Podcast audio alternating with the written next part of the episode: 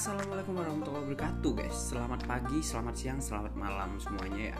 Mungkin kalian uh, pertama kali dengerin podcast aku rada aneh suaranya emang kayak gitu ya guys.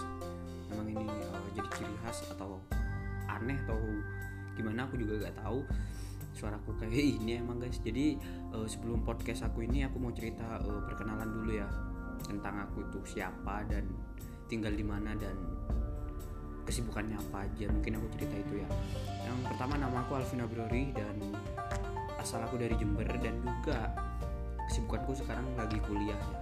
Dan jurusan kuliahku adalah pariwisata. Kenapa aku milih pariwisata? Karena karena emang tersesat di sana. Bukan apa ya? Ya udah tersesat aja gitu bos